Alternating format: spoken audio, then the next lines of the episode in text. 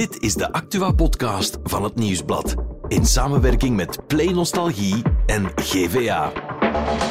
Het is vandaag maandag 11 december en de situatie in het zuiden van Gaza is steeds meer onleefbaar.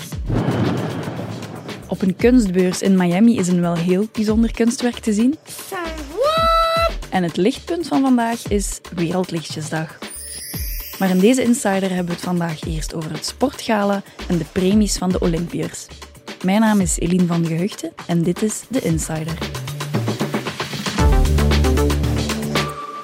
Sportvrouw van het jaar, sportief de l'année, Lotte Kopecky. Alors, le sportif de l'année est Remco Evenepoel. Het is weer weekend geweest en dus is er veel sportnieuws in Gala. Want er was natuurlijk het sportgala van het jaar, waar gisteren Lotte Kopecky tot sportvrouw en Remco Evenepoel tot sportman van het jaar zijn uitgeroepen. Daar willen we het natuurlijk over hebben met Nieuwsblad sportjournalist Maarten Delvaux. Dag Maarten. Dag Eline. Maarten, eerst en vooral, jij was daar gisteren, dus was het een goed feestje? Nee, eigenlijk niet. Nee. Eh, nee, het was een toffe locatie, de Sky Hall van Zaventem, met zicht op de landingsbaan van de luchthaven. Dus dat was tof. Maar eh, sporters zijn zeer plichtsbewuste mensen, dus die eh, wilden allemaal gaan trainen vandaag of hadden een vlucht eh, naar het buitenland. En om half elf was ik een van de laatste overgebleven gasten. Dus ja, ze waren allemaal op tijd naar huis. Amai, dat is anders dan bij de Flandrien, heb ik mij laten vertellen, want Tom Bonen stond daar om vijf uur 's ochtends nog op de dansvloer. Ja, dat was helemaal anders. Maar toen hadden de wielrenners net gedaan met hun seizoen, dus dan konden alle remmen los. En dat hebben ze gedaan. Tom Bonen, Jasper Philipsen en zo. Dat was, ja, dat was een ongelooflijk Ja, goed feest. Oké. Ja. Ja. eerst en vooral de winnaars. Zijn die zoals voorspeld? Ja, we hadden het wel verwacht. Als je in België goed met een fiets kan rijden, koningfiets, dan, eh, dan win je een prijs. Eh, dus eh, dat was ja, totaal verwacht, Remco en eh Oké. Ja, Dus alweer wielrenners in de spotlights wel, hè? Ja eh, bij de vrouwen, eh, Lotte is de allereerste wielrenster, dus dat is, eh, dat is mooi, dat verdient ze ook. Bij de mannen was het nu al, van de laatste 18 zijn er nu 13 eh, wielrenners, dus dat is, ja... Weinig verrassend, ja. Nee, dat is een beetje veel, misschien wel een beetje te veel. Ja. Ja, want nogthans, er zijn zoveel andere sporttakken. Wie bepaalt dat dan, dat die wielrenners opnieuw zijn gewonnen? De ex-laureaten mogen stemmen en de journalisten. Dus eh, alle sportjournalisten, officiële sportjournalisten, mogen stemmen. Eh, de groep journalisten is groter dan de groep ex-laureaten. Dus ik ga ervan uit dat Remco Evenepoel heel populair is bij de sportjournalisten. Populairder in ieder geval dan bij zijn collega wielrenners, want eh, de Flandrien, dat is het peloton dat stemt, de renners zelf, en daar werd Jasper Philipsen verkozen. Eh, bij de journalisten, eh, die kozen voor Evenepoel, boven Philipsen, die pas vijfde werd. Dus ja, Remco Evenepoel is populair bij de journalisten en bij de ex-laureaten. Ja, ja, jij als sportjournalist, op wie heb jij dan gestemd? Ik had Bart Swings eh, bovenaan staan. Here's who waits for the line. Strings going to get it on the throw, I believe. He gets there. Belgium have struck gold here. That was fantastic. What a piece of action at the end. Bart Swings had to go for it. He was being bullied throughout the run, and he just left the knockout blow until the very last. Kapow! Gold medal. Brilliant. Ik had dat ook dit weekend in de krant geschreven, dat ik eigenlijk hoopte dat Swings het een keer ging halen. Hij zou dat verdienen. Hij is eigenlijk een van onze allerbeste mannelijke Olympiërs ooit uit de geschiedenis. En het is een beetje een historische fout dat hij nooit ja, sportman van het jaar zal worden. Net zoals Kim Gevaert dat nooit is geweest bij de vrouwen, of Ann Wouters. Ja, dat is ook het lot van Bart Swings. En eh, ja, dat vind ik eh, een foute keuze. Dus het is eigenlijk de schuld van de journalisten. Het is de schuld van de journalisten. Nu, er valt niks af te dingen op die prijs van Remco Evenepoel. heeft dat verdiend. Heeft een heel eh, schitterend jaar gedaan, net zoals hij vorig jaar dat verdiende. Maar één van die twee keer, of vorig jaar of dit jaar, had Swings het ook een keer verdiend. Want ja, hij kan niet meer doen. Hij heeft alles gewonnen wat hij kan winnen. Olympisch kampioen, wereldkampioen, Europees kampioen. Hij wint alles. Hij kan eh, letterlijk niet meer doen en toch zal hij het nooit worden. Ja, jij hebt hem ook gebeld hè, gisteren. Was hij zelf teleurgesteld? Veel mee. Dus ik heb hem ja, een uurtje na de uitreiking gebeld. Eh, ik heb hem de stand gebriefd. En, en hij, hij kan dat relativeren. Hij was een, was een beetje ontgoocheld, maar, maar hij is een heel nuchter, is een, een burgerlijk ingenieur. En een heel... eh, ja. Ja, relativeringsvermogen is hoog. Ja, ja, zeker en vast. Hij vindt het op zich jammer. Langs de andere kant, hij is eh, een van de is vijf keer al op het podium gestaan voor de verkiezing Sportman van het jaar. En dat is enkel Eddy Merckx, Stefan Everts, Sven Tom Bonen en Jean-Michel Seyve. Dus hij vindt het wel knap dat hij in dat rijtje staat.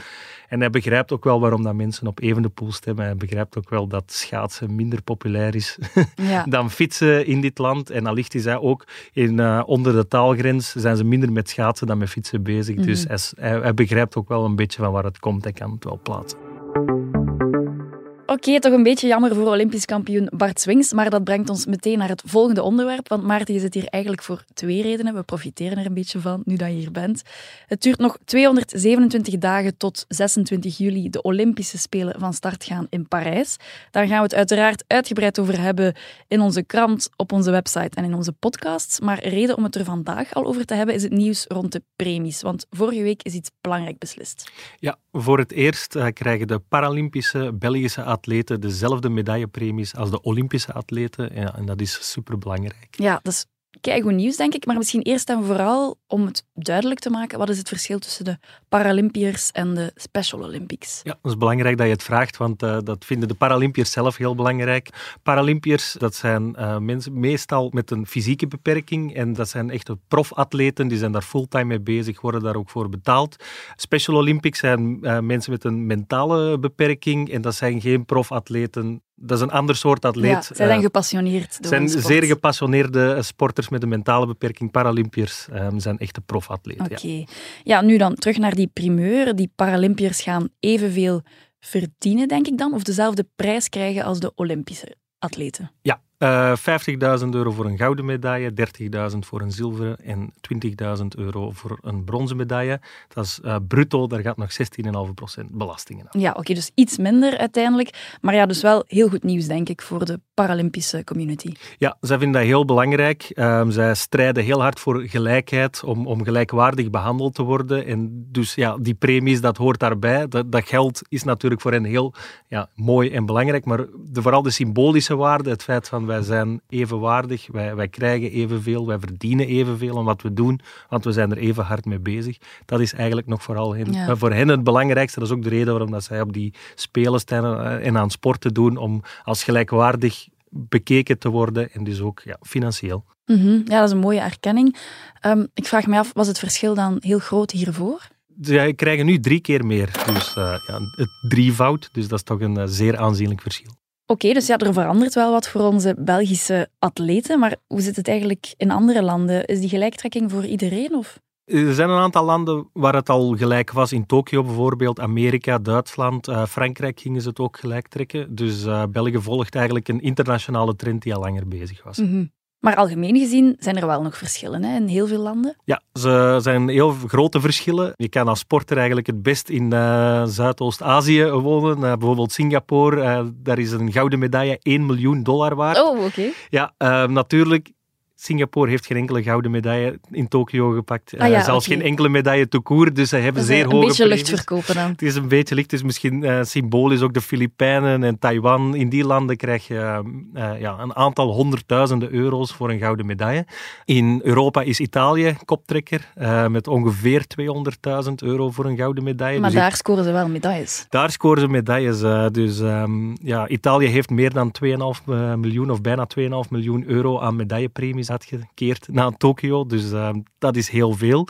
Eh, maar België liggen de premies eigenlijk relatief hoog. Ehm, een beetje vergelijkbaar met een aantal Europese landen. Meer eh, dan bijvoorbeeld in Nederland, waar maar, maar 30.000 euro is. Ook, ook Amerika betaalt maar een 35.000 euro voor goud. Natuurlijk, Nederland, Amerika, dat zijn landen waar heel veel medailles worden verdiend. Ja. Amerika meer dan 100, Nederland dus, eh, eh, meer geld te verdelen natuurlijk. ja, dus eh, uiteindelijk, landen zoals Amerika en Nederland, die spenderen in totaal meer budget aan medailles, Ja. maar minder eh, voor de atleten. Maar ik heb ook gelezen dat je als ja, Olympische atleet best niet in de UK woont. Nee, in de UK krijg je niks. krijg je geen medaillepremies. Eh, er zijn nog een paar landen, eh, Noorwegen, Zweden. Dus er zijn een aantal landen waar ze niks geven. Er is het louter voor de eer. Oké, dus in België zitten we zo slecht nog niet dan. Nee, het is best oké, ja. En trouwens in Estland, eh, dat is helemaal ideaal voor een atleet. Daar win je een win for life als je een gouden medaille neemt. 4600 euro per jaar voor de rest van je leven. Oeh, dus dat is elk jaar een reisje.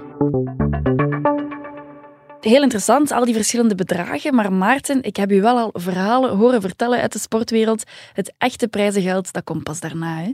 Ja, de medaille zelf is bijvoorbeeld uh, niet veel waard. Hè. Dat zijn in Tokio waar dat gerecycleerde gsm's. Uh, de premies zijn dan... Ja. Oh, wacht. Even terug naar die gsm's. Okay. Dus een medaille was een oude gsm. Ja, omdat ze heel hard inzetten op hernieuwbare uh, ja. energie en, en, recyclage. Dan hebben ze in Tokio eigenlijk de, de medaille zo uh, van oude gsm's okay. gemaakt. Dus, dus de medaille op zich, een gouden medaille, is geen uh, gouden medaille. Oh, de smartphone om je hals. Ja, voilà. Dus die, die op zich, die, als je die verkoopt, veel symbolische waarde, maar uh, niet veel geldwaarde. En er is natuurlijk wel die geldprijs, daar hadden we het daarnet over.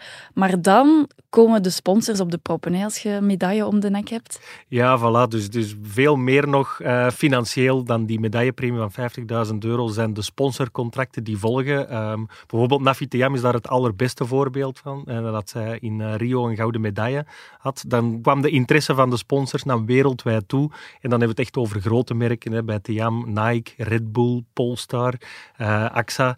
dat zijn zijn, zijn topmerken die met hele grote bedragen gaan. Dat gaat over enkele honderdduizenden euro's per jaar. En Tiam dwingt bijvoorbeeld ook af dat als zij ergens een medaille neemt op een WK of op Spelen of een EK, krijgt zij premies ook van die sponsors. Dus eigenlijk zo'n medaille, dat is het begin, uh, dat is de aanzet. Uh, en eigenlijk is die, die premie dan bijna mhm. verwaarloosbaar uh, in vergelijking wat nadien volgt. Ook een beetje een win for life. Dat is ook een beetje een win for life. En voor Nafitiam mag je dat ook letterlijk nemen, want zij heeft een levenslang contract bijvoorbeeld bijvoorbeeld met AXA getekend. Dus ook na haar sportieve carrière zal zij uithangbord blijven van dat merk. Dus eigenlijk ook een beetje een win for life. En de aandachtige kijker heeft bij Nafitiam op het EK misschien wel gemerkt dat ze een luxe horloge om de arm had. Tijdens, het sporten? tijdens het sporten. Een horloge van 185.000 euro. Uh, Oké. Okay. Dus meer dan drie keer uh, wat ze voor een gouden medaille krijgt uh, ja. op de Olympische Spelen. En dat is puur om dat merk in de aandacht te zetten. Dus ja, zo relatief is dan een medaillepremie. Tiam wist bijvoorbeeld trouwens niet dat ze op dat EK geen premie kreeg. Ze was daar dus ook totaal niet mee bezig. Ja, ja oké. Okay. Ja, toch een beetje anders dan, dan bijvoorbeeld Remco Evenepoel of Tia Hellebout die op de affiche van Pizza Hut staan. Ja, ik zou het ook liever um, met een luxe horlogemerk dan... Uh, ja, dan maar Navitiam heeft de opties wellicht om te kiezen. Navitiam heeft de opties. Zij maakt heel bewuste keuzes samen met haar management. Uh, ze heeft tientallen merken die staan te springen om met haar in zee te gaan. Mm -hmm. Dus zij kan uh, kiezen. Kieskeurig zijn. Zeer kieskeurig zijn. Oké. Okay. Ja, en dan moeten we het natuurlijk het is misschien een beetje vroeg, maar toch al hebben over de verwachtingen van onze Olympische Spelen. Ja. Wij hadden vorige keer zeven medailles in de wacht gesleept. Ja. Hoe staan we er nu voor, denk je?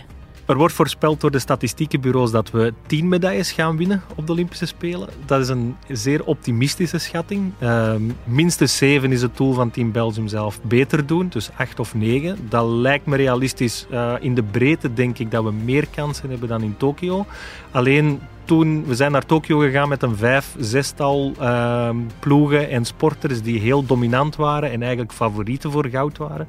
Dat is nu niet het geval. Ik denk enkel Kopecky, misschien Evenepoel in de tijdrit. Um, dus het zal moeilijker zijn, denk ik, om die drie gouden medailles te evenaren. Dus ik denk minstens zeven, misschien wel meer. Maar of er drie gouden gaan bij zijn, ja dat zal moeilijker worden. Iets meer zilver of brons dan? Dat denk ik wel. Ja. Maarten, jij bent ook onlangs in het buitenland geweest. Jij bent meegegaan op de stage van al heel wat Olympische atleten. Ja. Er zijn al 41 sporters geselecteerd, heb je mij verteld. Maar er kunnen er nog veel meer zijn. En die zijn daar nu voor aan het oefenen? Of wat heb je daar juist gezien of gedaan? Ja, ja dus het is een, eh, een stage waarin eigenlijk Team Belgium zich voorbereidt op de belangrijke maanden die komen uh, na kerstmis. Dus 41 atleten zijn geplaatst. Het kunnen er nog maximum 160 ongeveer worden.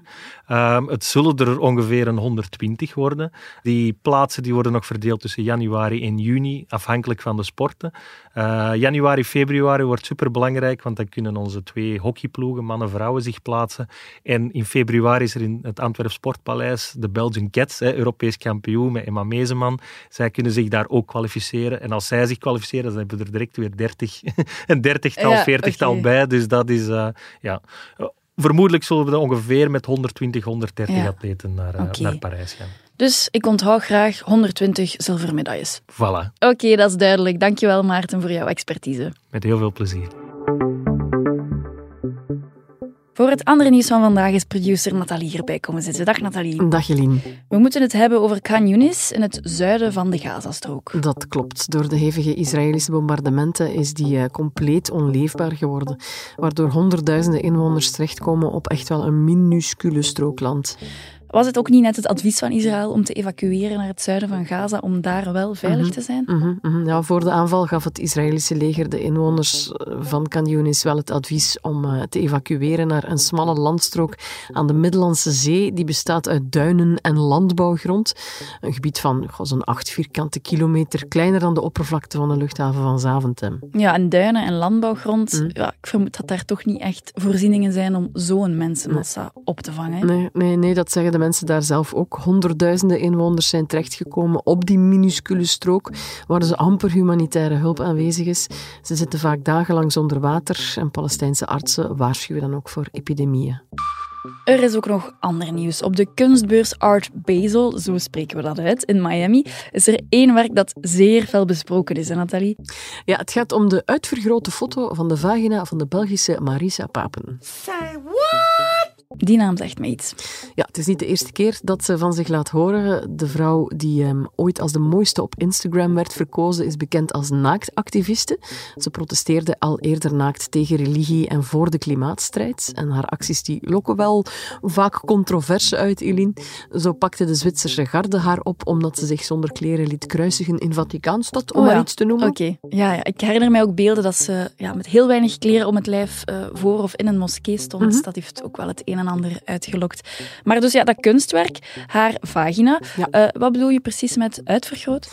Het is, het is echt heel groot, in your face. Het is twee meter groot, het kunstwerk. En het had ook een zeer toepasselijke naam. Ja, The Flower of Life. Dat is wel mooi, hè? Ja, dat is mooi en ook volledig correct.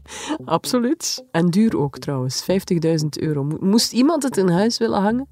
Uh, ja, kijk, het is ja. dus te koop op uh, Art, Art. Toch gewoon maar eens kijken op Instagram. Ja. En tot aan kerst hebben we het ook over lichtpuntjes. Deze keer hebben we het over Wereldlichtjesdag. Dat was gisteren. En dat is ter nagedachtenis van kindjes die overleden zijn. Ja, dat werd op veel plaatsen ja, gevierd, um, waaronder ook in Lummen. En wat gebeurt er dan juist op zo'n viering? Ze pakken dat heel feeriek aan. Er worden lichtjes gebrand voor sterrenkindjes in het Sterrenbos, aan de duizendjarige eik. En ja, ze willen eigenlijk de ouders echt wel als ouders erkennen. Vinden het belangrijk om iedereen samen te brengen om troost te vinden met z'n allen. Ja, die erkenning lijkt mij belangrijk, dat die wel degelijk kunnen vertellen over een kindje dat bestaan heeft. Hè? Ja, ja, Christa bijvoorbeeld, die daarbij was, die zei voor mij is dit een teken dat mijn twee sterrenkindjes wel echt bestaan hebben. Trouwens, ouders kunnen hun sterrenkindjes ook laten registreren. Er is een sterrenregister en dat wordt gedaan voor de ouders die hun kindje verliezen na minder dan 140 dagen zwangerschap. En in dat register kunnen ze dan hun kindje symbolisch laten registreren. Ja, mooi initiatief. Dankjewel Nathalie voor het andere nieuws vandaag. Morgen zijn we opnieuw met een nieuwe Insider.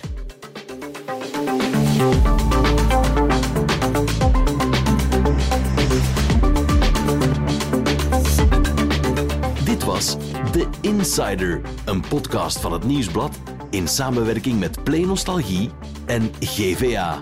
De muziek is van Pieter Santens. De montage gebeurde door House of Media. Wil je reageren?